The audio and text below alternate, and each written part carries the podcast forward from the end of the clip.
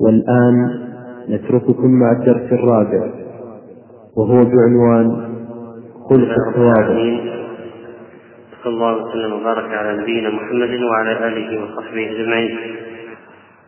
وبعد فالخلق الذي سنتحدث عنه في هذه الليلة أيها الأخوة هو خلق عظيم جليل من أخلاق الأنبياء والصالحين ألا وهو خلق التواضع. وهذا الخلق الذي يكسب الإنسان عزة ورفعة ومحبة بين الخلق وهو الخلق الذي ذكره الله سبحانه وتعالى في محكم تنزيله بقوله واخفض جناحك للمؤمنين موصيا رسوله صلى الله عليه وسلم. وخفض الجناح هو الذل للمؤمنين والتواضع لهم. ورحمة ضعفتهم والترفق معهم. وقال الله سبحانه وتعالى أيضا واصفا عباده المؤمنين يا أيها الذين آمنوا من يرتد منكم عن دينه فسوف يأتي الله بقوم يحبهم ويحبونه أذلة على المؤمنين. أعزة على الكافرين. والمقصود بقوله تعالى أذلة على المؤمنين أي متذللين للمؤمنين عاطفين على المؤمنين خافضين الجناح للمؤمنين والأذلة جمع ذليل لا ذلول الذلول نصير الصعب والذليل والذليل للمؤمن والذليل لأخيه المؤمن دليل على قوة الإيمان عنده. وأما على الكافر فإنه غليظ شديد. وهكذا صفة الصحابة رضوان الله تعالى عليهم. وقد وقد أوصى الله تعالى عباده بالتواضع ونبههم إلى ذلك قائلا سبحانه وتعالى. يا أيها الناس إنا خلقناكم من ذكر وأنثى فردهم إلى الأصل حتى لا يقهر أحد على أحد.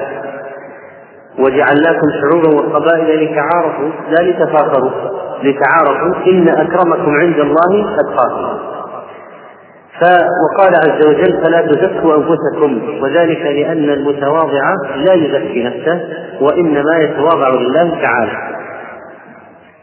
النبي صلى الله عليه وسلم تلقى وحيا من ربه كما جاء في الحديث الصحيح.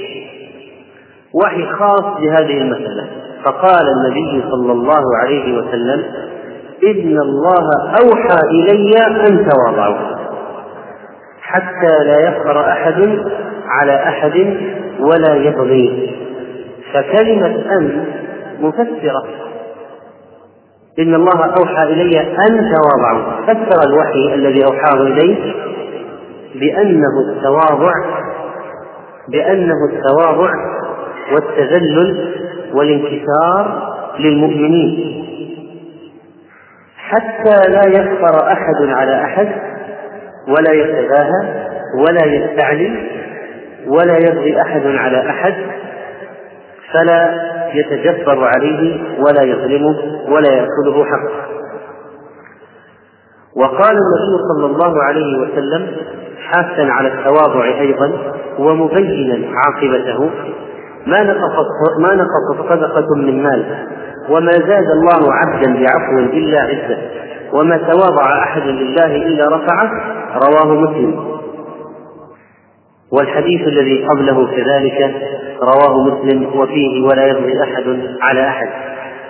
فقوله صلى الله عليه وسلم وما تواضع أحد لله إلا رفعه دليل على أن التواضع يكتب الإنسان الرفعه عكس ما يتصور بعض الناس أن التواضع ذل فيقول لهم إن التواضع عز وإنك كلما ازددت تواضعا للمؤمنين رفعك الله سبحانه وتعالى. رفعك الله سبحانه وتعالى. فالناس يظنون أن التواضع بعض الناس يظنون أن التواضع أن الإنسان ينزل من قدره وأنه يكون يعني ذليلا وأنه ينقص من مكانته عند الخلق ونظرته إليهم ولكن في الحقيقة المتأمل للتواضع يجد أنه يكون هكذا في البداية. ذل بين المؤمنين لكن في النهاية النتيجة الأثر هو رفعة في أعينهم لأن الناس جبلوا على محبة من تواضع لهم وكره من تعالى عليهم. وإن كان في الظاهر يظهر أنه صاحب شأن وأنه مستعلي وأنه له له الغلبة أو له العلو. ولكن في الحقيقة أنه مكروه منبوذ منقوص من الخلق لأن الخلق مجبولون لأن الخلق قد جبلوا على هذا. قد جبلوا على كره من تعالى عليه ومحبة من تواضع له. وإذا جئنا إلى تعريف التواضع الذي ذكره العلماء فإن العلماء رحمهم الله قالوا التواضع كما ذكر ذلك ابن حجر رحمه الله تعالى من الضعف. التواضع من الضعف. فما هو الارتباط بين الضعف والتواضع؟ إذا نظرنا إلى التعريف اللغوي لهذه الكلمة فإن التواضع لا شك أن فيه تنزيلا من الإنسان بقدر نفسه. وهذه هي الضعف أن الإنسان ينزل من قدر نفسه. وهي كما قال أهل العلم في تعريفها الهوان الهوان وإظهار التنزل عن المرتبة للمسلم من المسلم لأخيه. وقيل هو تعظيم من فوقه لفضله. فإذا عظمت من فوقك لفضله. ودنوت لمن دونك رحمة له. هذا هو التواضع.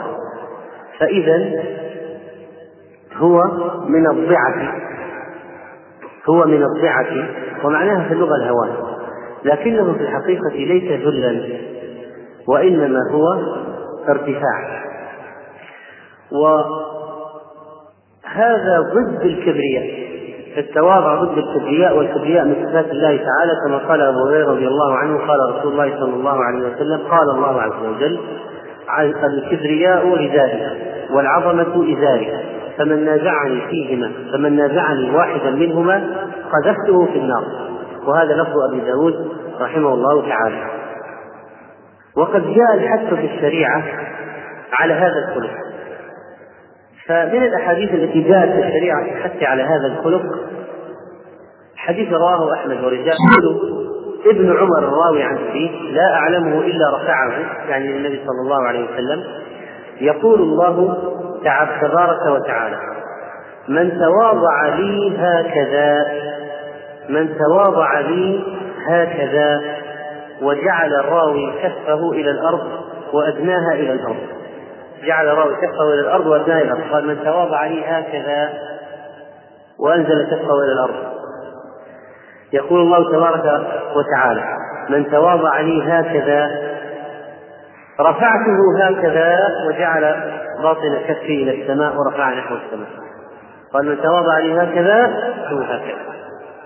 هذا الحديث الذي رواه ابن أحمد رحمه الله حديث قدسي يبين فيه الرب تبارك وتعالى أن من تواضع لله تعالى وأدنى نفسه لله تعالى وأنزل نفسه لله تعالى فإن الله يرفعه سبحانه وتعالى.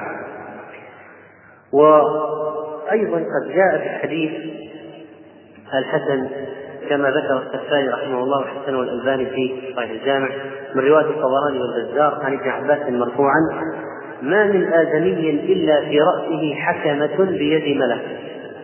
ما في واحد إلا في حكمته بيد ملك. ما هي الحكمة؟ الحكمة ما يوضع في رأس الدابة كاللجام ونحوه. اللجام الذي يوضع في فم الدابة. وذكر ذكر في فيض القدير ذكر في فيض القدير في شرح الجامع الصغير الحكمة هي التي تجعل تحت حنك الدابة لتمنعها من المخالفة. فالحكمة هذه التي يشدها راكب الدابة لكي يمنعها من الاتجاه عكس المقصود. فالحكمة تحكم الخيط أو الحبل الذي يتحكم فيه الدابة هذه الحكمة. كل واحد فينا له حكمة. قطعا حسب الخبر الذي جاء من الوحي. حكمة. الحكمة بيد من؟ إذا كانت حكمة الخيل أو الدابة بيد الفارس أو الراكب فإن حكمة كل واحد منا فإن حكمة كل واحد منا بيد ملك. بيد ملك. قال ما من آدمية إلا في رأسه حكمة. وطبعا هذا الشيء ما نراه؟ ما نراه لكنه غيب نصدقه ما من آدمية إلا في رأسه حكمة. بيد ملك فإذا تواضع قيل للملك ارفع حكمته إذا تواضع هذا العبد المسلم هذا العبد إذا تواضع قيل للملك ارفع حكمته. وإذا تكبر قيل للملك ضع حكمته. انزلها. طبعا ماذا يترتب على رفعها وإنزالها؟ يترتب على رفعها أن يكون عزيزا عالي الشأن. ويترتب على خفضها أن يكون ذليلا. لأنه كما قال الشراح رفع الحكمة معناها رفع القدر والمنزلة ووضع الحكمة معناها الإذلال لأن صفة الذليل تنكيس رأسه. لأن صفة الذليل تنكيس رأسه. فهذا يبين عظم هذا الخلق وهو التواضع وأن الإنسان إذا التزم به رفعه الله عز وجل. ولأن النبي صلى الله عليه وسلم كان خلقه القرآن ولأن النبي صلى الله عليه وسلم يفعل ما يقول فإنه عليه الصلاة والسلام كان من أعظم الناس كان أعظم الناس تواضعا فقد جاء عن ابن مسعود رضي عن أبي مسعود رضي الله عنه قال أتى النبي صلى الله عليه وسلم رجل فكلمه. من هيبة النبي عليه الصلاة والسلام قال فجعل ترعد فرائصه. اطراف رجل تضطرب أمام النبي عليه الصلاة والسلام في حضرة النبي صلى الله عليه وسلم. فقال له عليه الصلاة والسلام هون عليك هون عليك فإني لست بملك. حتى تبتعد أمامي لست بملك. لا هيلمان ولا قولتان لست بملك. إنما أنا ابن امرأة تأكل القديد القديد اللحم المشرح طولا شرايح. إنما أنا ابن امرأة كانت إنما أنا ابن امرأة تأكل القديد اللحم المجفف. وهذا طبعا تواضع منه صلى الله عليه وسلم. يقول أنا أصلي أنا ابن أنا من أنا ابن امرأة تأكل القديم. كانت ضيقة ذات اليد تأكل اللحم المجفف. هذا الذي تجده فتأكل.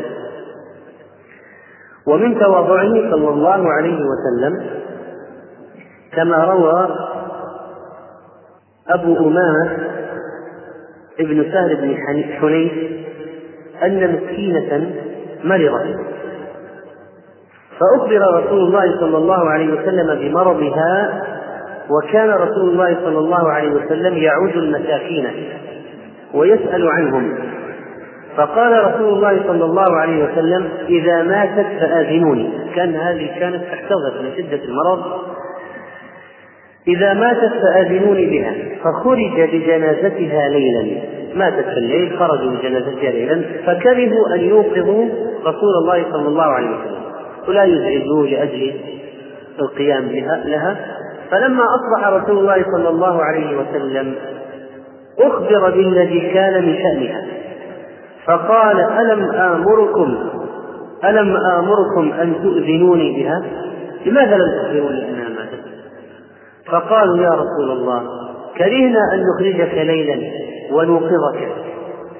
فخرج رسول الله صلى الله عليه وسلم حتى صف بالناس على قبرها وكبر أربع تكبيرات فمع أنها امرأة مسكينة وفقيرة وكذلك جاء في الحديث أن امرأة سوداء كانت تقم المسجد. تنظف المسجد. تقم المسجد تنظف المسجد. على عهد النبي صلى الله عليه وسلم. امرأة سوداء فقيرة. فعملها تنظيف المسجد لما ماتت ودفنوها ليلا أيضا النبي صلى الله عليه وسلم عاتبهم. عاتبهم. لماذا لم يخبروا؟ لعلها هذه المرأة. لماذا لم يخبروا؟ وخرج وصلى عليها صلى الله عليه وسلم صلى على قبرها فكونه خرج في جنازة امرأة سوداء تقوم من المسجد في هذا يعني العمل الذي يراه الناس عملا موضيعا هذه المرأة الفقيرة النبي عليه الصلاة والسلام أعظم الأمة خير الأمة يلتفت إليها ويهتم بشأنها ويسأل عنها ويعاتبهم فيما في في عدم اخباره بها ولماذا لم يوقظوه من أجلها ثم يأتي قبرها ويصلي عليها. هذا يدل على اي رواه مالك رحمه الله في الموطأ القصة التي ذكرناها وعن أنس أن النبي صلى الله عليه وسلم قال وهو في رحل له لبيك لا عيش إلا عيش الآخرة تغفر للأنصار والمهاجرة تواضعا في رحله. يعني حتى الرحل الذي حج عليه صلى الله عليه وسلم كان رحلا كان رحلا لا لا يكاد يساوي شيئا رحلا رفثا حج حج عليه صلى الله عليه وسلم وهو يدعو الله تعالى ويقول لا عيش إلا عيش الآخرة. هذا العيش لا, لا نسأل عنه. ولذلك لما دخل عليه عمر على فراش مرمل أثر الحصير في جنبه أثر في جنبه. وماذا كان عنده يعني حصير حصير وهذا الشيء اليسير وجلد جلد معلق وماذا كان فراشه؟ صلى الله عليه وسلم. ورفض أن يكون عنده أي نوع من أنواع الكسور التي فيها زينات ونقوش. كل ذلك تواضعا لله تعالى. لأن الناس يتكبرون اليوم بالأثاث والمفروشات والسيارات أيها الإخوة. الناس اليوم يرتفعون بالمفروشات والسيارات والمفارس والمراكب يرتفعون بها. فكان عليه الصلاة والسلام يتواضع للخلق كان الإنسان أن يتخذ وجاءه أشياء كثيرة حتى لو ما اشترى جاءه هدايا جاءه هدايا من ملوك الأرض ومن عظماء وزع هذا وزع هنا وزع هنا وأهدى هنا تصدق هنا ما كان يترك لنفسه شيئا صلى الله عليه وسلم. ومن تواضعه صلى الله عليه وسلم أيضا أنه جاء عنه أنه جاء عنه في الحديث الصحيح أنه إذا مر بصبيان سلم عليه النبي عليه الصلاة والسلام كان إذا مر بصبيان سلم عليه ولا شك أن السلام على الصبيان دليل على التواضع لأن الناس يسلمون في العادة على من؟ ويهتمون بالعادة بالسلام على من؟ يهتمون بالسلام على الكبار يهتمون بالسلام على العظماء فكون النبي عليه الصلاة والسلام يقف في الطريق ليسلم على الصبيان فهذا يعني أنه عليه الصلاة والسلام تواضع لهؤلاء الصبيان حتى سلم عليهم. وكذلك جاء عنه أن الأمة من إماء المدينة كانت تأخذ به صلى الله عليه وسلم فتنطلق به حيث شاءت. فتنطلق به حيث شاءت. فإذا كانت للأمة وهي المخلوقة الضعيفة عند الخلق تنطلق النبي صلى الله عليه وسلم حيث شاءت وهو ينصاد معه ويذهب لحاجتها تقول تعال أريدك يا رسول الله. تذهب لتشكو شيئا أو أو أو تطلب شيئا فإن النبي صلى الله عليه وسلم كان يقضي لها حاجتها. وطبعا نحن نعرف النبي عليه الصلاة والسلام ما صافح امرأة ولا خلى امرأة هذا معروف. وإنما معنى الحديث ما هو؟ ربما انطلق هو وأصحابه كلهم من أجل امرأة من أجل امل انطلق النبي صلى الله عليه وسلم من تواضعه عليه الصلاة والسلام أنه كان في بيته يعمل في البيت. فالعمل الذي يحدث اليوم كثير منا أن يعمله في البيت. تنظيف غسيل طبخ ترقيع كان عليه الصلاة والسلام يفعل. ولذلك قال الأسود بن يزيد رحمه الله سألت عائشة رضي الله عنها ما كان النبي صلى الله عليه وسلم يصنع يصنع في بيته؟ قال كان يكون في مهنة أهله. كان يكون في مهنة أهله. و معنى مهنة أهله أي خدمة أهله صلى الله عليه وسلم. وفي أي شيء كان يخدم أهله عليه الصلاة والسلام؟ مثل عجن العجين وما يكون في عمل البيت من التنظيف والإعانة. مثلا يحلي ثوبه مثلا يحلب شاته. يرفع ثوبه يخطف نعله يرفع دلوه صلى الله عليه وسلم. يعلم الناضح يقوم بالبيت ينظف البيت يعجن العجين يحمل إلى السوق يحمل يحمل الثقل يحمل الحاجيات والأغراض.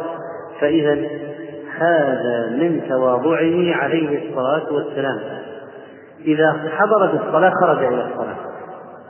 فهذا العمل دليل تواضع لأن الناس يتركون مثل هذه الأشياء الخدر ويأنفون أن يعملوها بأنفسهم فكون النبي عليه الصلاة والسلام عملها بنفسه هذا تواضع.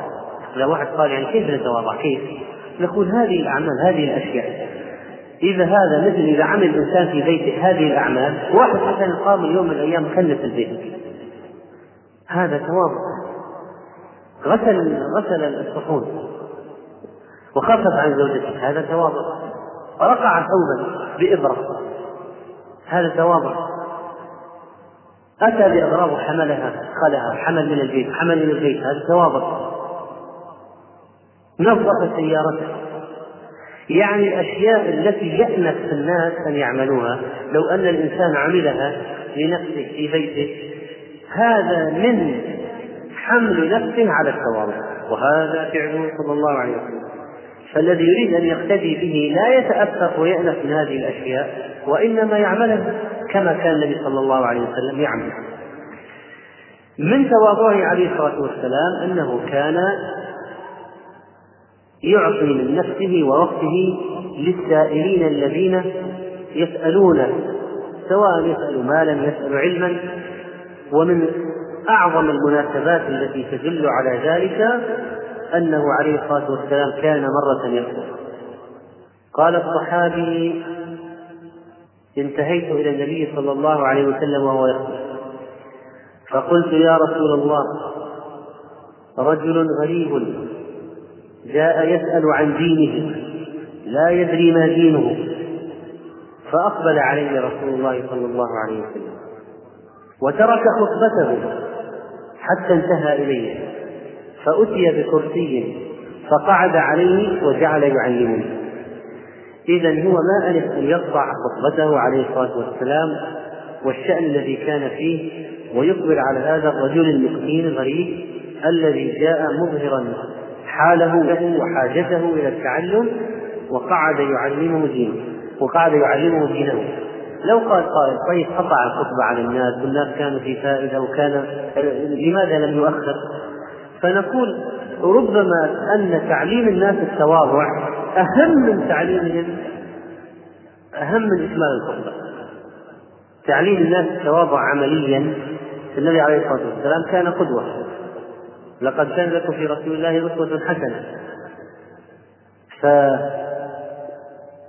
فعلمه قطع الخطبة لكي يتعلم الناس أيضا التواضع.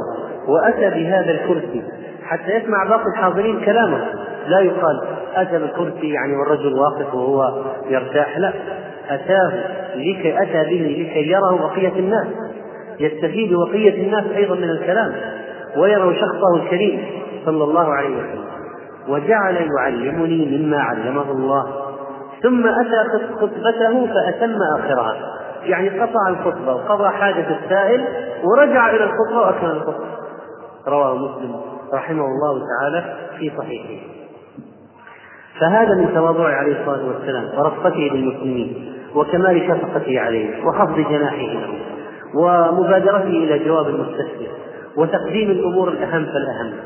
وكذلك كان عليه الصلاة والسلام يسأل عن الإيمان وكيفية الدخول في الإسلام. من جاءك يسألك الآن الآن عن الإيمان وكيف يدخل في الإسلام أقطع كل شيء وتجيبه. لأن هذا هو الأهم الآن. واحد يريد أن يدخل الآن في الإسلام. تقول انتظر لا تدخل حتى نكمل تكمل تعلمه الدخول الآن. هذا من أوجب الواجبات عليك أن تعلمه كيف يدخل الآن في الإسلام. ولذلك العلماء قالوا من جاء يريد أن يتعلم كيف يدخل في الإسلام وجبت إجابته وتعليمه على الفور. واجب فورا أن تعلمه ذلك. وقال بعض العلماء إنه يحتمل أن الخطبة التي كان النبي صلى الله عليه وسلم يخطبها لم تكن خطبة الجمعة وإنما كانت خطبة أخرى، لكن لو قطع حتى خطبة الجمعة ونزل لحاجه فلا حرج ولا يبطل الخطبة نزوله ذلك ولا يضر أنه مشى خطوات في أثنائها. ومن تواضعه صلى الله عليه وسلم ما كان يظهر في طعامه ومن ذلك لعق الأصابع. الحركة هذه بعض الناس يتأنف منها ويقول هذا خرق ولكنه عليه الصلاة والسلام كان يفعل ذلك فقد جاء عن أنس رضي الله عنه أن رسول الله صلى الله عليه وسلم كان إذا أكل طعاما لعق أصابعه الثلاث لعق أصابعه الثلاث يعني الابهام وش وش الاصابع الثلاث؟ البنصر والقنصر ها؟ وش أيوه الإبهام والسبابة والوسطى لأنه بها كان يأكل صلى الله عليه وسلم كان يأكل بثلاثة أصابع. يأكل مثل الثريد وغيره بثلاثة أصابع. الآن يأكلون خمس ولا يلعقونها فعليه الصلاة والسلام لعق أصابعه وهذا فيه رد على من ترك ذلك استقذارا. بعض الناس يقول هذا يعني يستقذر مثل هذا الفعل ويأنف منه.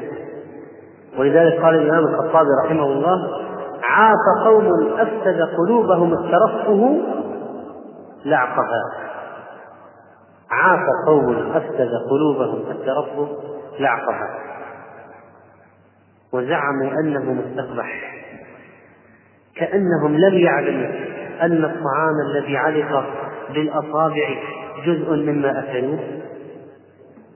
وإذا لم يستقذر كله فلا يستقذر بعضه. يعني في فرق بين حبة رز أو حبة شيء من الطعام الذي في إصبعك والذي أكلته. ما أنت أكلت في إصبعك قبل قليل. فلماذا يؤنس من هذا ولا يؤنس من الذي أكلته قبل قليل؟ والكل واحد. وليس فيه أكثر من بسطها بباطن الشفة. ولا يشك عاقل أنه لا بأس بذلك. وهذا طبعا يكون بعد الطعام. ليس الإنسان يعني يدخل إصبعه بريق يخلطها بريق يذكرها في الطعام. هذا بعد الطعام. بعد ما ينتهي من الطعام يلعق أصابعه وكذلك سلس القطعة لعق الإناء. هذا فعل المتواضعين وأن يترك شيئا في الطعام يترك شيئا في الإناء دون لعق مع قدرته على لعقه. هذا فعل في فعل الآنفين المستكبرين. أنهم تجد واحد منهم لابد أن يترك شيئا. لذلك العامة يسمونها شبعة في الفسدان لأنها يعني ما ما بقي شيء ما موجود شبع. هذه لقيمة بقي حبات يقول شبع. ولذلك فإن مثل هذه التصرفات على بساطتها يظهر بعض الناس لكن لها دليل على شيء عميق في القلب وهو التواضع. اللقمة التي وقعت تأخذها تضيف عنها الأذى تسلف القطعة تمسح البناء أو ما أمامك ما هو يعني تمسح كل الصحن العظيم وإنما ما أمامك. إذا أكلت من دائرة مما أمامك من مما أمامك من شيء هو الذي تمسحه تنظفه وتلعق الأصابع هذا فعل المتواضعين فينبغي للإنسان أن يحافظ على ذلك. النبي عليه الصلاة والسلام اعترف لأصحابه ماذا كان يعمل وهو صغير؟ ماذا كان يعمل في أول عمره؟ ماذا كانت مهنته ولم يأنف من ذلك ولم يقل لن أكشف لهم الماضي المر كما يقول بعض الناس. ولذلك فإنه عليه الصلاة والسلام لما حدث أصحابه قال ما بعث الله نبيا إلا رعى الغنم قال أصحابه وأنت؟ يعني يا رسول الله قال نعم كنت أرعاها على قراريط لأهل مكة. أنا كنت مستأجر أجير آخذ قراريط أرعى غنم أهل مكة كنت أرعاها وهذا هو التواضع عن غنم. قال أصحابه وأنت؟ يعني يا رسول الله أهل مكة. أنا كنت هذا كانت مهنته ولم يأنف من ذلك ولم يقل لن أكشف لهم الماضي. المر الصحن العظيم.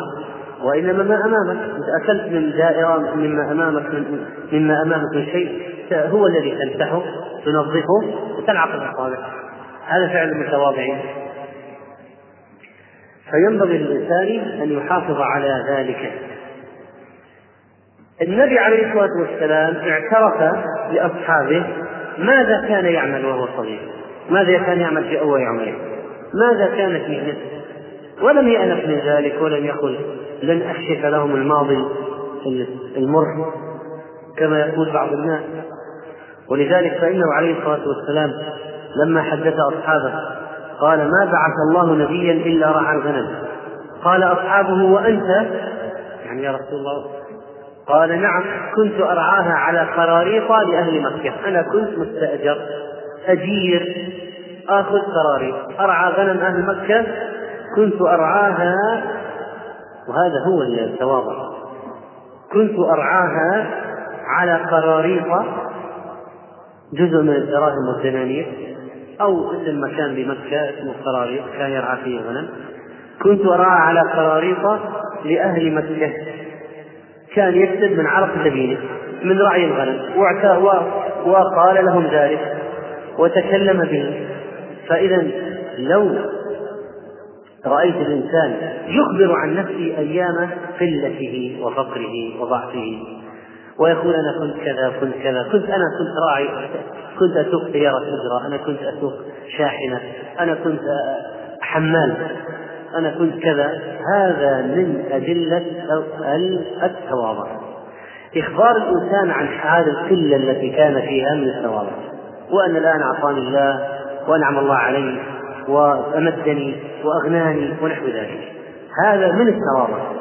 أن يخبر الإنسان بحاله أيام قلته وفقره من تواضعه عليه الصلاة والسلام من آيات تواضعه أنه كان يجيب الدعوة إلى شيء مهما كان قليلا ومن أي شخص كانت الدعوة. ولذلك جاء في صحيح البخاري أنه عليه الصلاة والسلام قال لو دعيت إلى كراع أو ذراع لأجبت ولو أهدي إلي ذراع أو كراع لقبلت. يقول عليه الصلاة والسلام لو دعيت إلى كراع ما بين الركبة إلى الساق هذا يسمى كراع. ماذا يوجد فيه من اللحم قليل أو كثير شيء قليل. ولذلك الناس يأنفون منه. يقول عزمنا على كوارع على الكراع ما جبت لنا شيء. مما فيه لحم كثير. فيقول لو دعيت إلى كراع فيه لحم قليل لأجل ولو أهدي إلي ذراع أو كراع لقبلت معلوم أنه أيضا اللحم الذي فيه أقل. فإذا لو رأيت الشخص يجيب دعوة أي إنسان بيت الصغير بيت الكبير يجيد الطبخ أهله لا يجيدون الطبخ عنده غنى ما عنده غنى فاعلم أنه متواضع. وإذا رأيت الشخص يقبل الهدية أيا كانت ويثيب عليها. بعض الأطفال تجده يأخذ أي شيء يلفه بأي شيء يقول هذا هدية. هذا من يعني مما في ذهنه وعقله. فإذا أكبرها الإنسان وأعظمها وأشعره بقيمة ما فعل وشكره لها فإن ذلك يدل على التواضع بعض الناس ما يقبلون الهدايا البسيطة. طيب يمكن المهدي قليل ذات اليد ما يقبل هدية وربما رماها أمامه. ربما رماها أمامه. فإذا كان يكبر الشيء اليسير ويعظمه ويتقبله ويقبله فإن ذلك دليل على تواضعه. وهكذا فعل النبي صلى الله عليه وسلم. وأما السلف رحمهم الله فلا شك أنهم مشوا على خطى النبي صلى الله عليه وسلم. كيف وهو الذي علمهم فضل التواضع؟ وهو الذي ذم الكبر وأخبر أنه لا يدخل الجنة متكبر وأن أهل الجنة أهل الجنة الضعفاء والسقط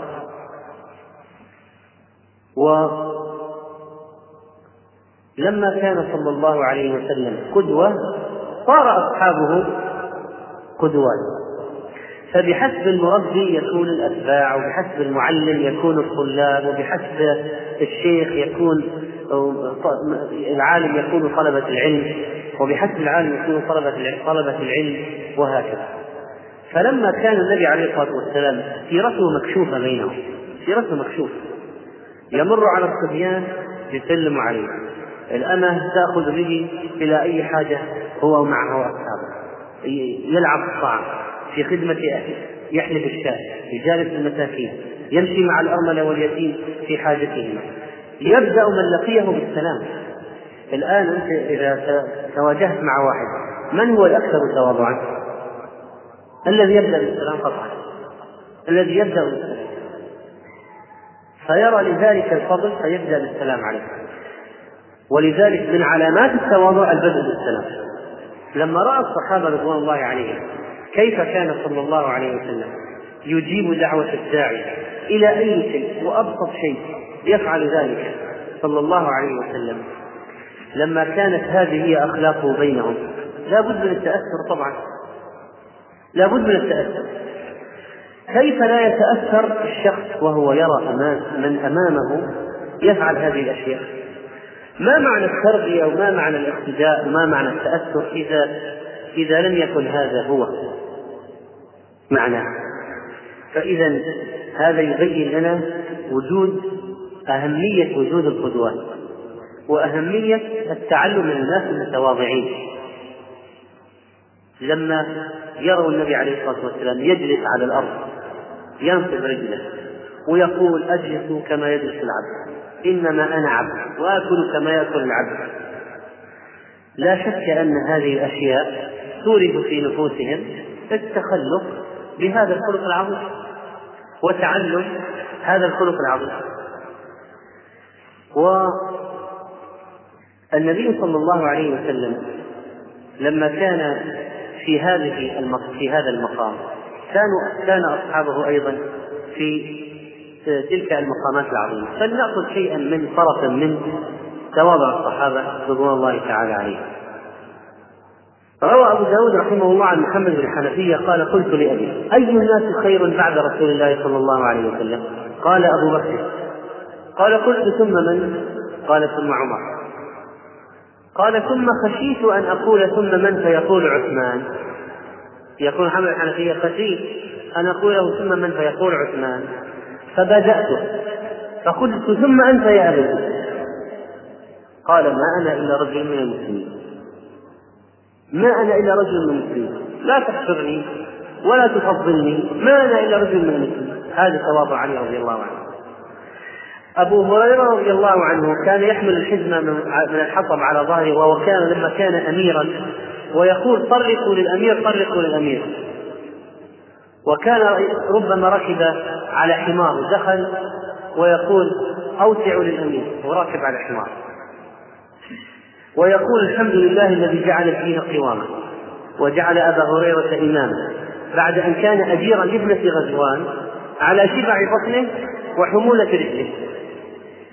أبو هريرة رضي الله عنه عمل فترة من فترات أجير عند ابنة غزوان. ما هي ما هو المقابل؟ ما هو المقابل؟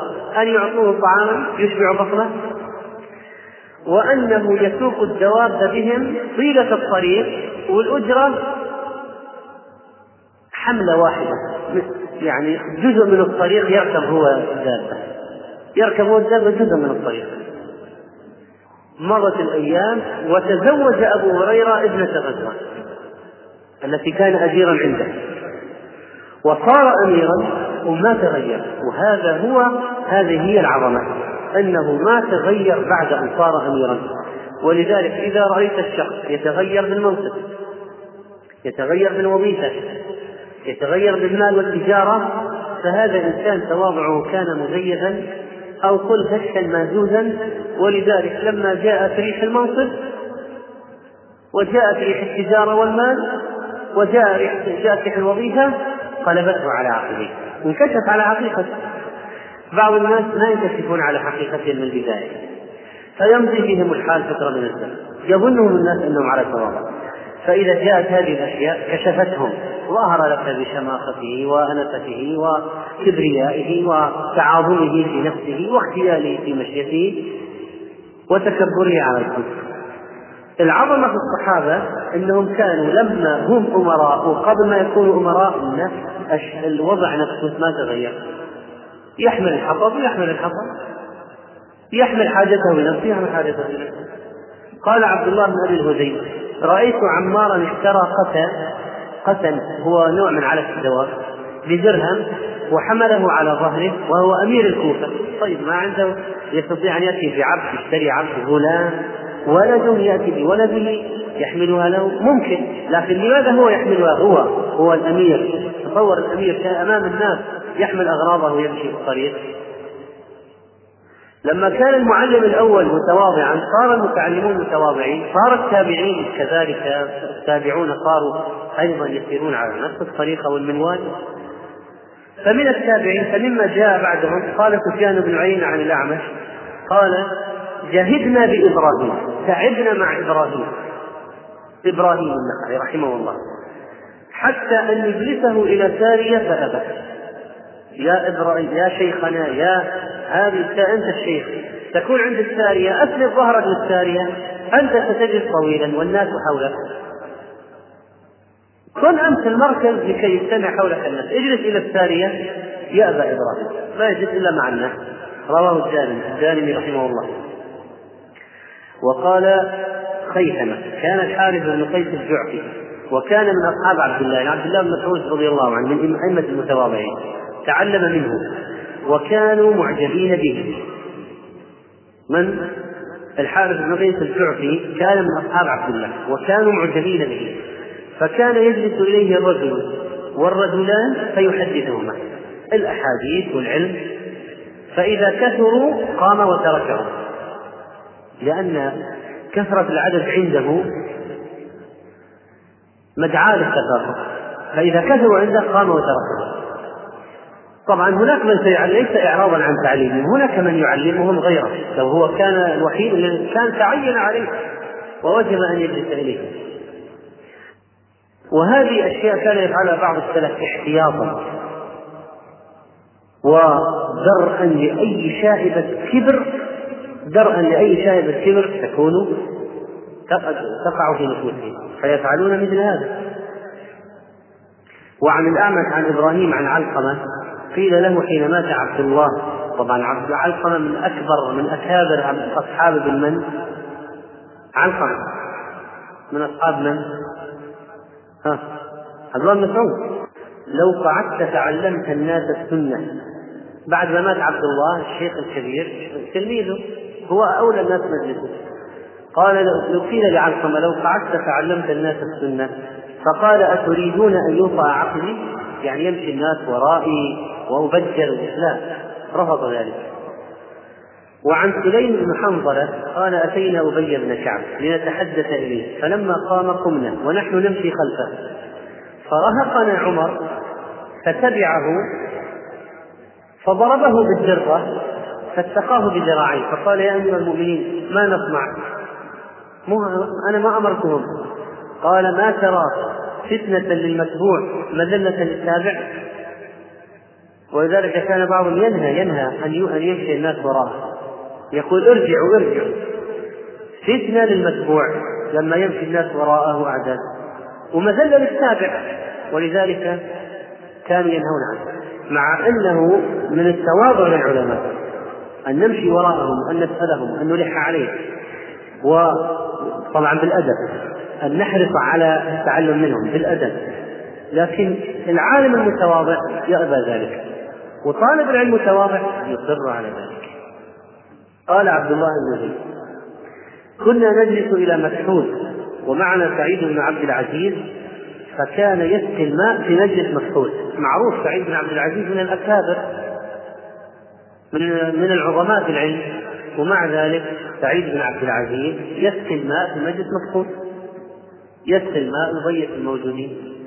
إذا إضافة الضيف هذه الحركة التي يصر عليها بعض الناس جيدة وهي قضية تعليم التواضع آه، وهي قضية خدمة الآخرين خدمة الآخرين من التواضع. القيام عليها. يقول ذلك الرجل صحبت ابن عمر لأخدمه في السفر فكان يخدمني. وفي سيرة أحمد بن حنبل رحمه الله أنه كان ربما أخذ القدوم وخرج إلى دار السكان يعمل الشيء بيده وربما خرج إلى البقال فيشتري الجزرة الكومة من الحطب والشيء فيحمله بيده. فحمل الأغراض حمل الأشياء هذا كانت كانت سيمة الصالحين من قبلنا. وكل ما على منصب الشر وكلما علت منزلته ثم فعل هذا كان التواضع في حقه أكبر وتأثيره أكبر. قال رجاء بن حيوة قام عمر بن عبد العزيز ذات ليلة فأصلح من السراج. فقلت يا أمير المؤمنين لم لا أمرتني بذلك؟ أنت تقوم تصلح السراج أنا موجود كان قلت لي أصلح السراج. أو دعوت من يصلحه؟ فقال قمت وأنا عمر بن عبد العزيز. قمت وأنا عمر ورجعت وأنا عمر. يعني ماذا نقص مني لما قمت وأصلحت السراج؟ قمت وأنا عمر وعدت وأنا عمر. قال رجاء بن حيوة قام عمر بن عبد العزيز ذات ليلة فأصلح من السراج. فقلت يا أمير المؤمنين لم لا أمرتني بذلك؟ أنت تقوم تصلح السراج أنا موجود كان قلت أصلح السراج. أو دعوت من يصلحه فقال قمت وأنا عمر بن عبد العزيز قمت وأنا عمر ورجعت وأنا عمر. يعني ماذا نقص مني لما قمت وأصبحت السراج؟ قمت وأنا عمر وعدت وأنا عمر. قال الأصمعي كتب محمد بن كعب نسبه محمد بن كعب القرظي. هو أنصاري كتب محمد بن كعب القرظي. فقيل له أو الأنصاري فقال أكره أن أمن على الله بما لم أفعل. لأن الأنصاري أنصار أو نصر الله ورسوله. محمد بن كعب بن قريظة. ولما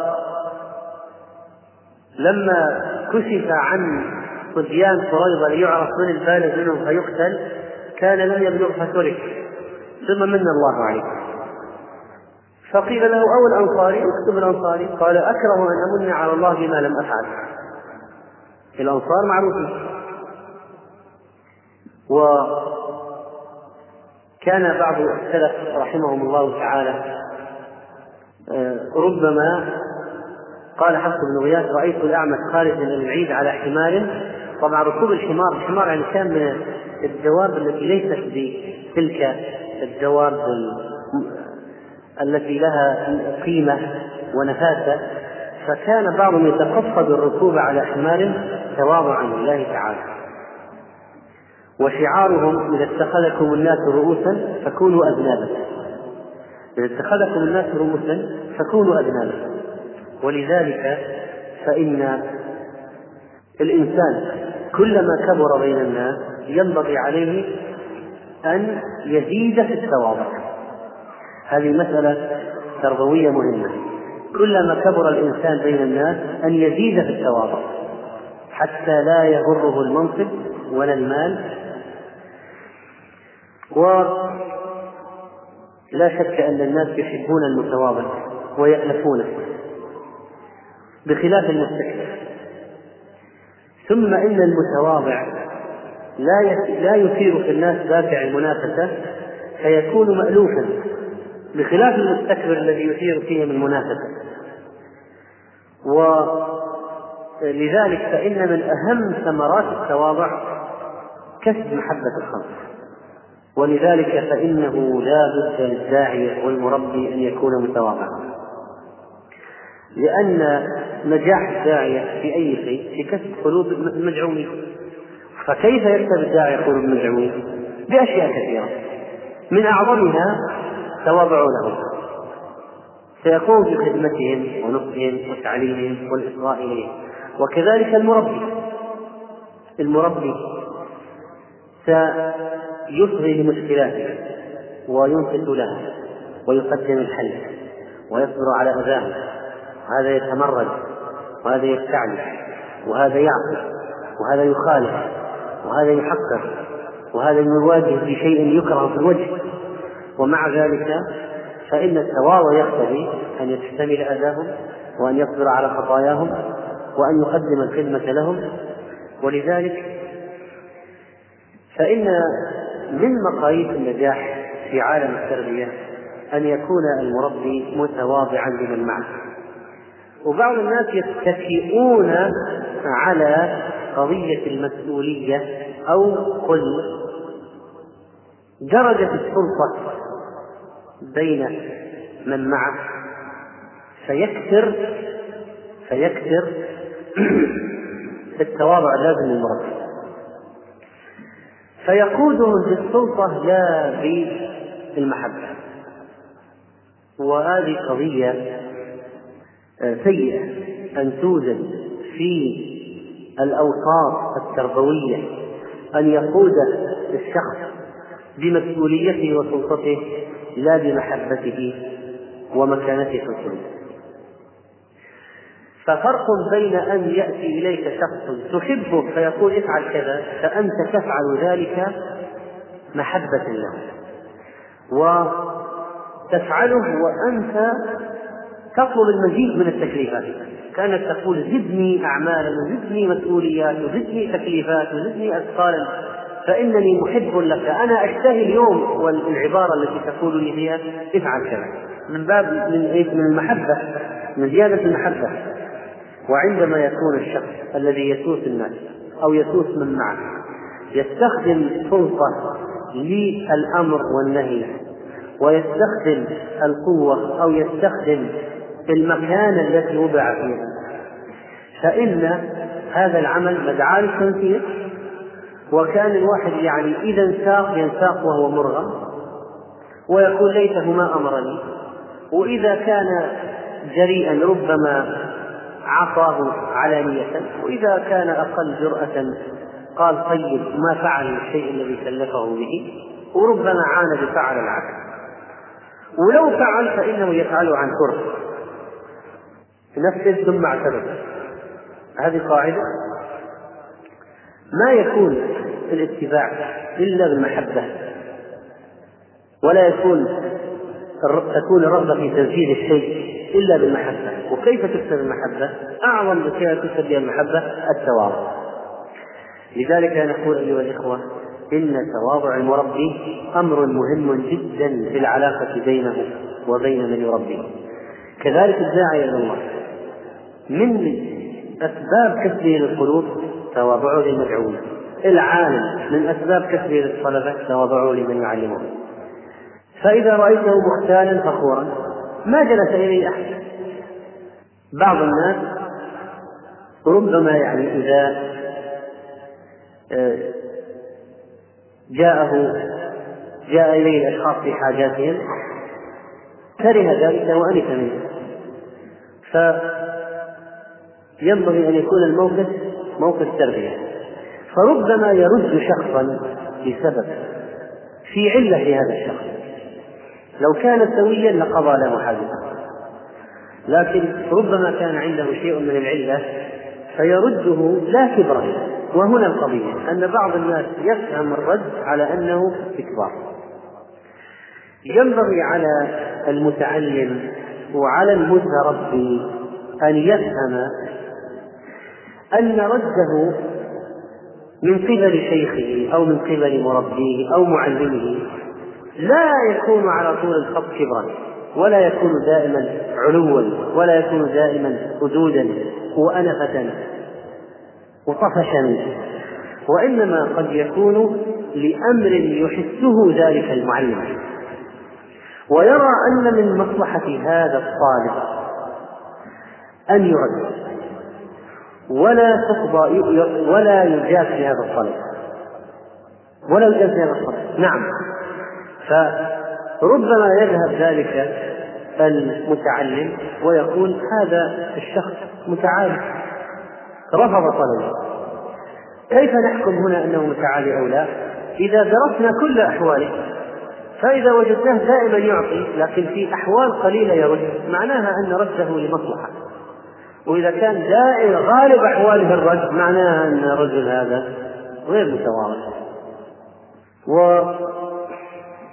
وتعالوا نستعرض بعض الأمور التي تكسب التواضع كيف يكتسب الإنسان التواضع؟ مثلا يعني الواحد الآن لما نقول هذا خلق خلق معين يجب أن نربي أنفسنا عليه، طيب كيف يربي الإنسان نفسه على التواضع؟ هناك أشياء معينة إذا فعلها الشخص مثلا جاءت في الشريعة أو تؤخذ من سير الصالحين أو تؤخذ حتى بالعقل السليم أن من حرص عليها فإنه يربي نفسه على التواضع مثلا ترك الملابس النفيسة. ترك الملابس مرتفعة الثمن. غالية القيمة. عن معاذ بن أنس الجهني أن رسول الله صلى الله عليه وسلم قال من ترك اللباس تواضعا لله وهو يقدر عليه. هو لم يئس من فقر ولا من قله ترك اللباس تواضعا لله وهو يقدر عليه. دعاه الله يوم القيامة على رؤوس الخلائق حتى يخيره من أي حلل الإيمان شاء يلبسه. قال الترمذي هذا حديث حسن وصححه في وفي صحيح الجامع. حلل الإيمان يعني حلل الجنة التي توزع على أهل الإيمان كما أشار إلى ذلك الترمذي في سننه تعقيبا على الحديث.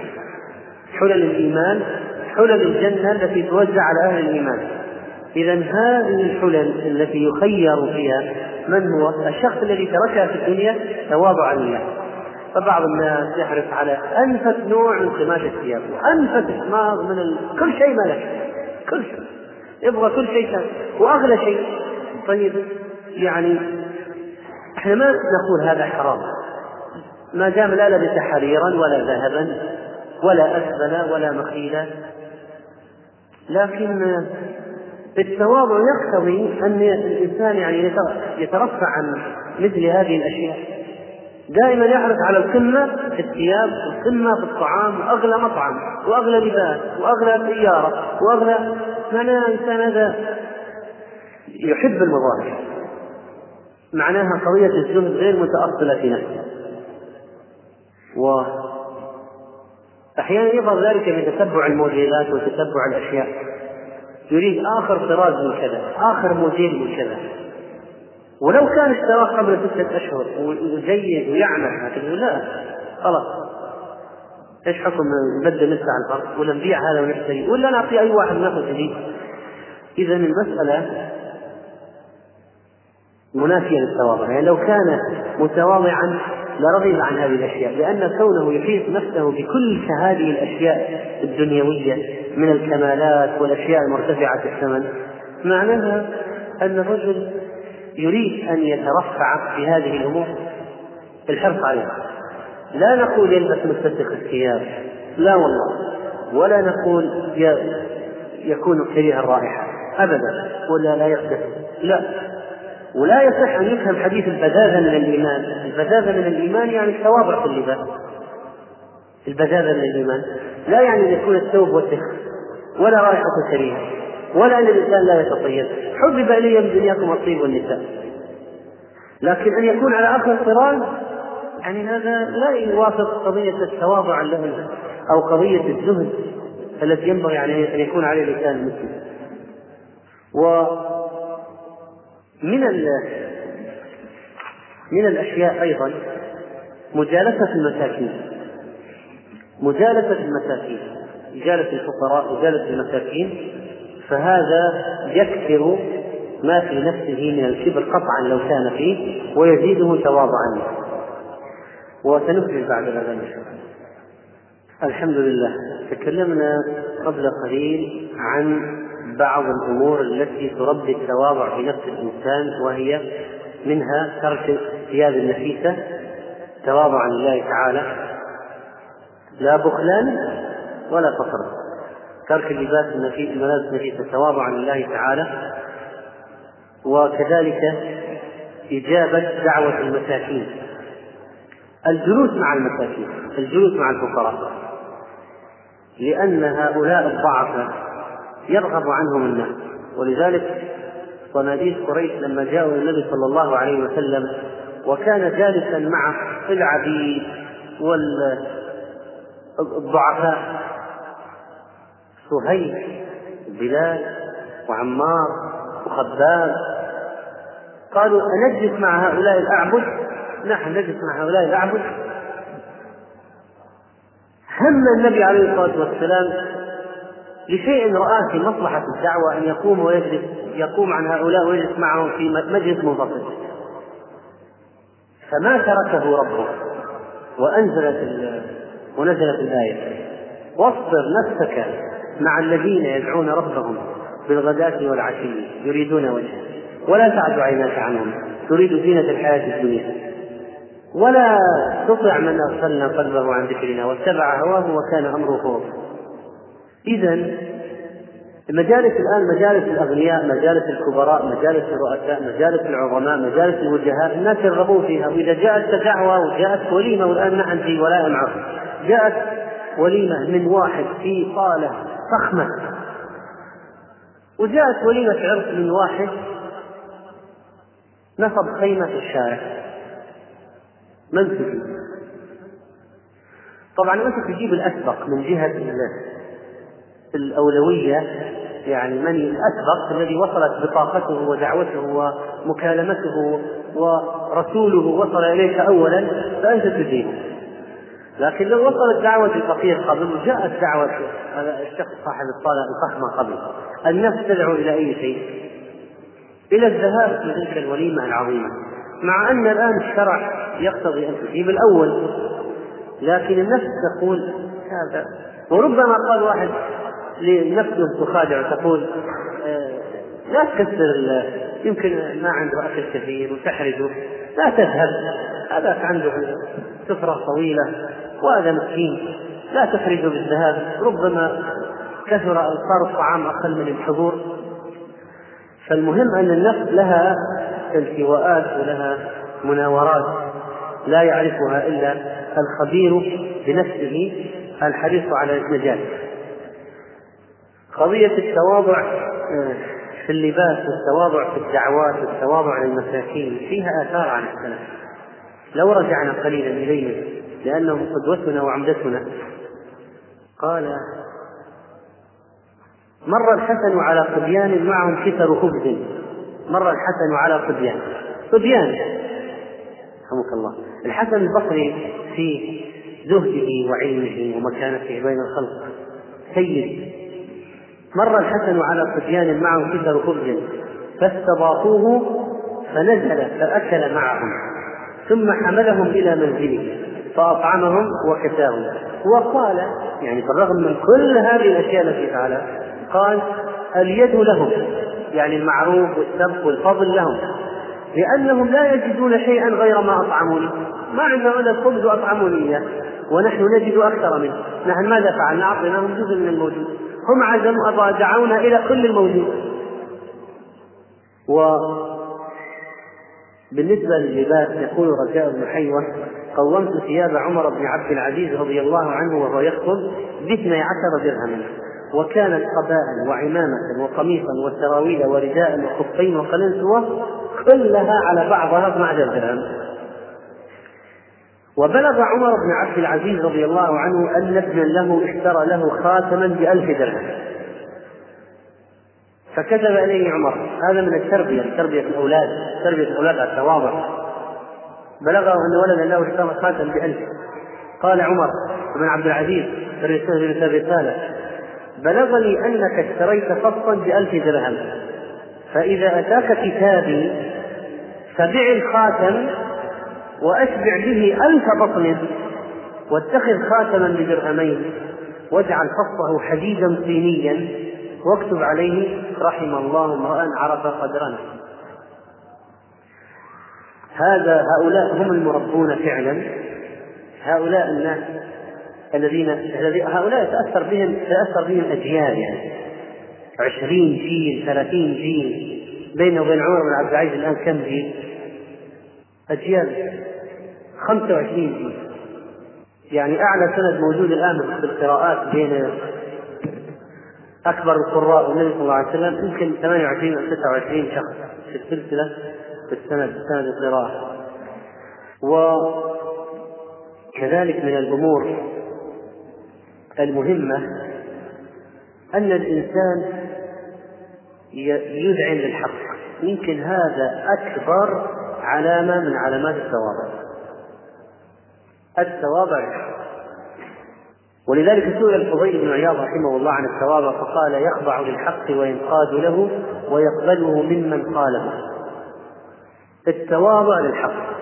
كثير من الناس إذا وجهت له نصائح يعتمد من الذي وجهها؟ فإذا وجه شخص أعلى منه قبل وسكت وإذا وإذا وجه شخص أقل منه قال اشتغل بما يعنيك ما لك دخل انصح نفسك. ونحو ذلك من العبارات التي يرد بها هؤلاء السفهاء على الدعاة المصلحين التواضع للدين التواضع للحق التواضع النصيحة جاء من من أين؟ من كبير من صغير من امرأة من رجل من حر من عبد. لا يهم نقبل الحق من أي كان وهذه من أكبر علامات التواضع. أكبر علامات التواضع قبول الحق. يمكن هذه أكبر علامات فعلا. أكبر علامة للتواضع قبول الحق. ومن الكبر أن الإنسان لا يقبل الحق. أو يقبله من ناس معينين وناس لا يقبل منهم. وكذلك فإن كما قال ابن القيم رحمه الله قال ولا تصح لك درجة التواضع حتى تقبل الحق ممن تحب وممن تبغض فتقبله من عدوك كما تقبله من وليك.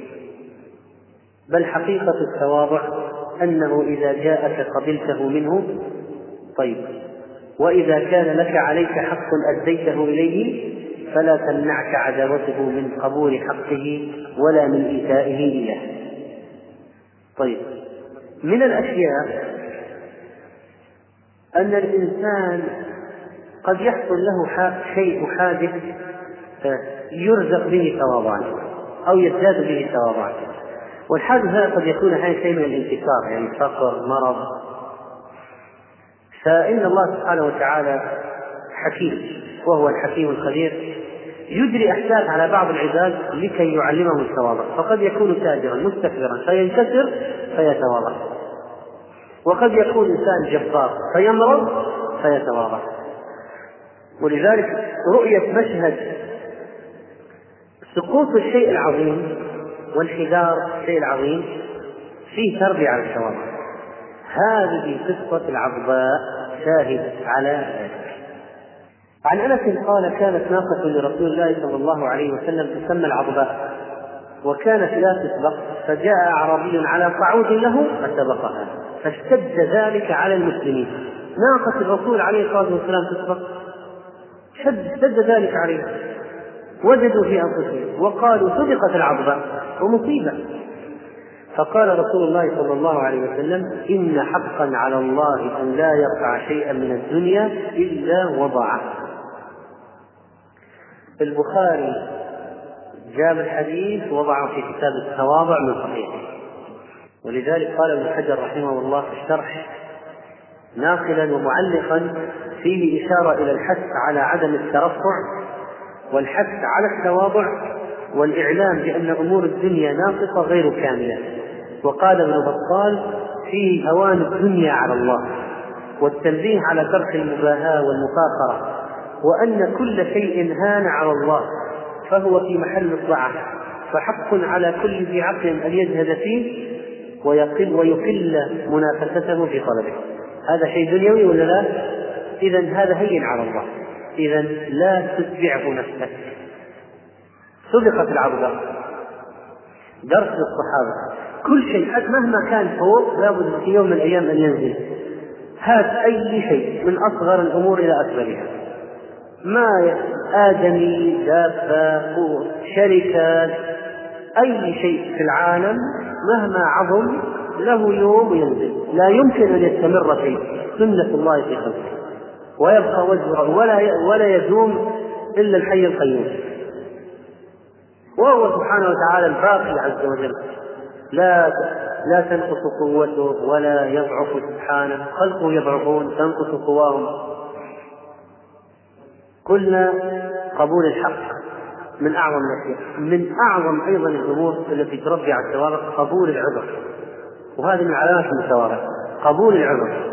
واحد أخطأ عليك ثم جاء يعتذر. من تواضعك؟ أن تقبل اعتذاره من أساء إليك ثم جاء يعتذر عن اساءته فإن التواضع كما قال ابن القيم رحمه الله يوجب عليك قبول معذرته حقا كانت أو باطلا ما دام جاء يعتذر حتى لو قال لك عذر سخيف ما دام جاء معتذرا التواضع يقتضي أن تقبل عذره. ولا تفتش تقول اي بس أنت أصلا كنت موجود مثلا. اي بس أنت كنت تدري. لا تفتش عن الاعتذارات اقبلها التواضع يقتضي قبول الاعتذار. مهما كان ولو كان كذب اقبل الاعتذار. ما دام ما في شيء في الدنيا ليس في شيء ضد الدين وإنما جاء معتذر اقبل عذر حتى لو كان كاذبا. وعلامة التواضع أنك إذا رأيت الخلل في عذره لا توقفه عليه ولا تحاجه هذه عبارة دقيقة لابن القيم رحمه الله. إذا رأيت الخلل في عذره لا توقفه عليه ولا تحاجه وقل يمكن أن يكون الأمر فعلا كما تقول. شوف يعني لا حتى الإنسان لا يكذب. يقول فعلا فعلا ممكن يمكن أن يكون الأمر كما تقول إذا شككت في طيب هاتوا دليل على أن النبي عليه الصلاة والسلام كان يقبل الأعذار ولو كانت كذب في المنافقين. فلما قدم جاءوا يعتذرون إليه. المتخلفين عن الغزو جاءوا يعتذرون إليه. فقبل أعذارهم ووكل سرائرهم إلى الله. هذا ما دام ما دام هكذا كان صلى الله عليه وسلم يفعل تألفا له كان يفعل تألفا له. هذا يفعله مع المنافقين. طيب نحن مع إخواننا أولى بأن نقبل الأعذار لكن عندما تكون مسألة تتعلق بالدين ما يقبل الاعتذار وعندما لا تكون هناك مصلحة في التغاضي لا نتغاضى بل نوقف عند حده ونفتش عليه ونضيق عليه لكي نوقفه على خطأه. ولكي يعلم يتربى على هذا الأمر. والتواضع ينشأ من أي شيء؟ أن يعرف الإنسان قدر عظمة الله ويعرف قدر نفسه. فإن الإنسان إذا عرف قدر عظمة الله وعرف قدر نفسه وقارن حصل له التواضع. حصل له التواضع. ومن الأشياء أيضا التواضع بالتنحي عن صدور المجالس. التواضع بالتنحي عن صدور المجالس. لقد جاء في الحديث وصححه الألباني اتقوا هذه المذابح يعني المحاريب. المذابح تذبح الإخلاص وتذبح التواضع. المحاريب صدور المجالس. صدر المجلس مكان مرموق ومكان مرغوب كل واحد يريد أن يكون فيه. المتواضع يرغب عنه. يجلس في طرف المجلس. السنة أن يجلس حيث انتهى به المجلس. ولا ينتظر الناس أن يقوموا له. بعض الناس من كبر يدخل الباب من الباب ويقف. حتى يقوم واحد يجلس مكانه أو يقف حتى يقوموا له. من التواضع أن يأمرهم بالقعود وأن يجلس حيث انتهى به المجلس. وكذلك فالرضا بالدون من المجالس كما قلنا في حديث رواه الطبراني البيهقي عن ابن عمرو مرفوعا اتقوا هذه المحاريب من علامات التواضع. من علامات التواضع التواضع إطعام الخدم الاهتمام بالخدم. عن أبي هريرة رضي الله عنه عن النبي صلى الله عليه وسلم قال إذا أتى أحدكم خادمه بطعامه فإن لم يجلسه معه فإن لم يجلسه معه فليناوله أكلة أو أكلتين أو لقمة أو لقمتين فإنه ولي حره وعلاجه. هذا اللي طبخه هذا الذي نفخه هذا الذي اصطلى وهذا الذي تعب. لا أقل من أن يطعم نتيجة طبخه ويذوقه. رواه البخاري. وعن أبي هريرة قال قال رسول الله صلى الله عليه وسلم إذا صنع لأحدكم خادمه طعامه ثم جاءه به وقد ولي حره ودخانه فليقعده معه فليأكل فإن كان الطعام مشكوها يعني قليلا فليضع في يده منه أكلة أو أكلتين. قال داود يعني لقمة أو لقمتين رواه مسلم. من مواضع التواضع التواضع في صلاة الاستسقاء. الإنسان إذا الناس إذا خرجوا في صلاه الاستسقاء يكونون في غاية الذل لله رب العالمين. هذا من تواضع لله كما جاء عن ابن عباس رضي الله عنه لما أرسل إليه الوليد بن عقبة أمير المدينة يسأله عن استسقاء رسول الله صلى الله عليه وسلم قال عبد الله بن عباس إن رسول الله صلى الله عليه وسلم خرج متبذلا يعني رسل هيئة لباس ما الملابس جديدة ملابس نفيسة؟ خرج متبذلا متواضعا متضرعا يعني حتى أتى المصلى وصلى الاستسقاء. قال الترمذي هذا حديث حسن صحيح. من مواضع التواضع المهمة التواضع عند الانتصار على الأعداء. جرت عادة القادة والفاتحين إذا دخلوا المدن والبلدان أن يسفكوا الدماء ويجعلوا أعزة أهلها أذلة. ويرفعوا رؤوسهم أنفة وغرورا ويختالون ويعملون العروض. عروض الفاتحين النبي عليه الصلاة والسلام لما فتح مكة ودخل مكة وقهر كفار قريش وأذلهم الله وانتصر عليهم ورغم أنفهم دخل البلد حتى قيل دخلها عنوة. ماذا فعل عليه الصلاة والسلام؟ عمل استعراضات وعمل لا وإنما كادت كادت جبهته أن تمس عنق راحلته. تواضعا دخل مطأطئا ما دخلها متكبرا مغرورا دخلها مطأطئا الرأس صلى الله عليه وسلم. هذه إرغام النفس في مواضع الانتصار يعني التواضع يكون عظيما عندما يكون الوضع يستدعي التكبر فتقابله بعكسه تماما. هذا من أعظم مواضع التواضع. واحد تبوأ منصب. الآن أخذ تبوأ المنصب. ماذا يفعل؟ فجأة يرفع ويضع ويعلن ولا يرفض. مثلا حصل على شهادة الدكتوراه؟ جاء واحد قال يا سعد.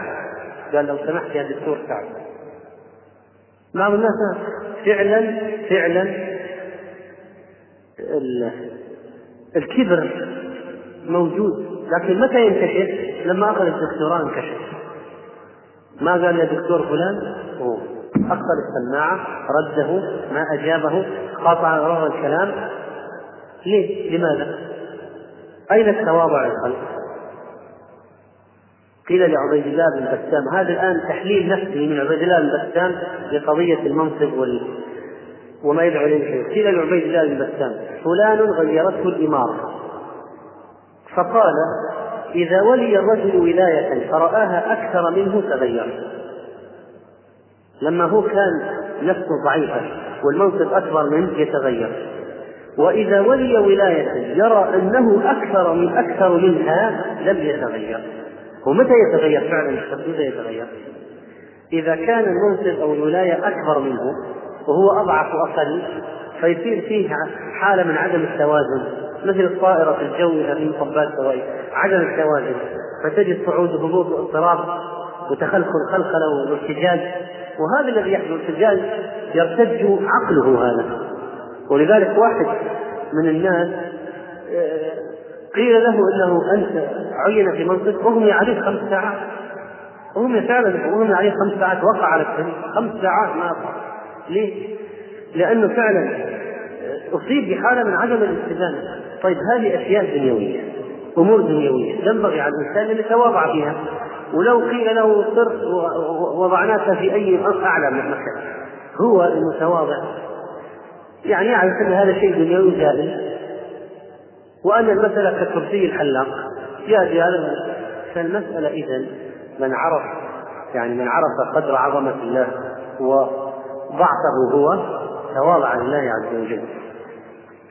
من أيضا من من المجالات العظيمة للتواضع طبعا تواضع للعلماء.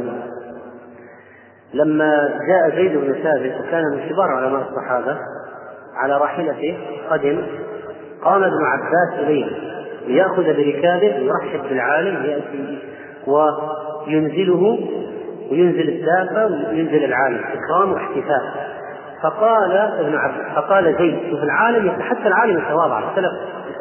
قال يا لا تفعل يا ابن عم رسول الله لا تفعل أن تقوم إلي تريد أن تنزلني؟ فقال عبد الله بن عباس هكذا أمرنا أن نفعل بعلمائنا. هكذا أمرنا أن نفعل بعلمائنا. نذهب إلى العالم نقوم له نتلقاه وننزل الدابة وننزل ونساعده وننزل له متاعه. فقال زيد أرني يدك؟ فأخرج يده فقبلها زيد وقال هكذا أمرنا أن نفعل بأهل بيت رسول الله صلى الله عليه وسلم. و من أعظم من الصور العظيمة للتواضع التي حصلت من العلماء تواضع الحافظ ابن عبد القوي رحمه الله تعالى. ابن عبد القوي هذا رحمه الله شيخ ابن تيمية. ابن تيمية شيخ الإسلام تتلمذ على ابن عبد القوي ابن عبد القوي رحمه الله لما نظم منظومة الفقه وهو شيخ ابن تيمية يقول في مسألة مسافة القصر يقول ابن عبد القوي وعند إمام العصر لا حجة لهم على ذا ولكن باسمه فليحجج ابن عبد القوي قال بعض الناس حددوها بمسافة كذا وبعض الناس حدد السفر مسافة كذا.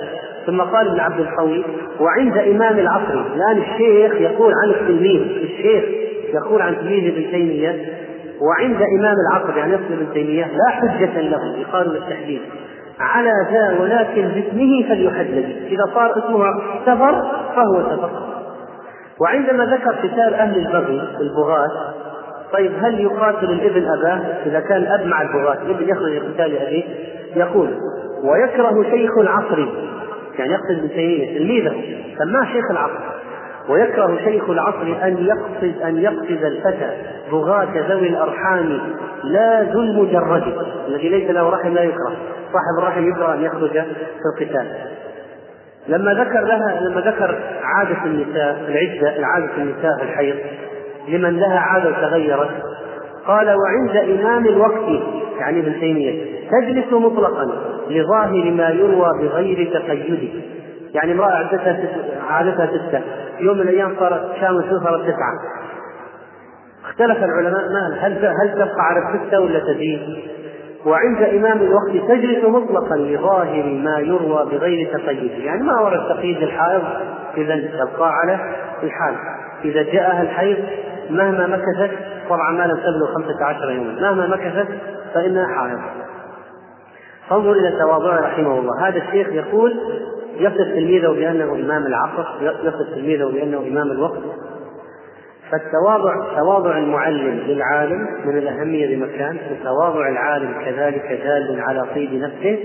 وقصة ابن عباس وزيد عظيمة.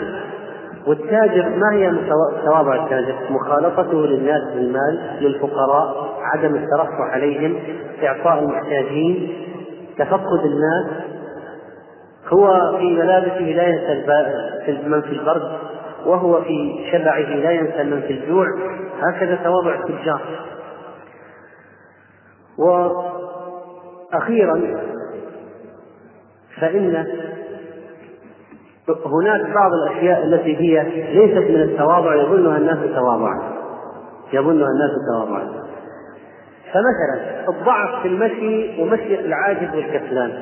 بعض الناس يقول هذا تواضع. لا النبي صلى الله عليه وسلم كان يمشي كأنما يهوي في صبوب يعني الصبوب المنحدر من الأرض. يمشي ويتعبون وراءه. يمشي مشية النشيط ولا يقال هذه مشية النشيط تكبر والتواضع أن يمشي مشية الميت الكسلان المريض. لا. فالمسلم يمشي مشية نشاط لا مشية الميت الكسلان ولا مشية الجبار العنيف. إنك لن تخرق الأرض ولن تبلغ الجبال طولا. لا تمت علينا ديننا في المقابل. جاء رجل إلى ابن عباس فقال إن مولاك إذا سجد وضع جبهته وذراعيه وصدره بالأرض ألصق نفسه بالأرض. الذراعين والمرفقين وألصق نفسه بالأرض.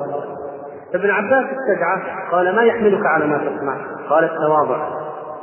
قال هكذا ربضة الكلب. النبي عليه الصلاة والسلام نهانا عن ربضة الكلب أن انبساط كانبساط الكلب أن يضع مرفقين على الأرض عند السجود. ارفع. فهذا المولى كان يتخيل أن هذا تواضع وهذا ليس من التواضع. كذلك التواضع لأجل الغني لغناه مذموم. قال ابن القيم رحمه الله في كتاب الروح والفرق بين التواضع والمهانة. يعني واحد قال طيب التواضع مهانة. أن التواضع يتولد من بين العلم بالله ومعرفة أسمائه بحيث يؤدي إلى انكسار القلب لله وخفض جناح الذل لعباد الله تعالى ويرى الحق لهم وليس له وأما المهانة فهي الدناءة والخسة وبذل النفس وامتهانها في الشهوات. والله سبحانه وتعالى يحب التواضع ويكره المهانة. أقول قولي هذا وأستغفر الله لي ولكم صلى الله على نبينا محمد.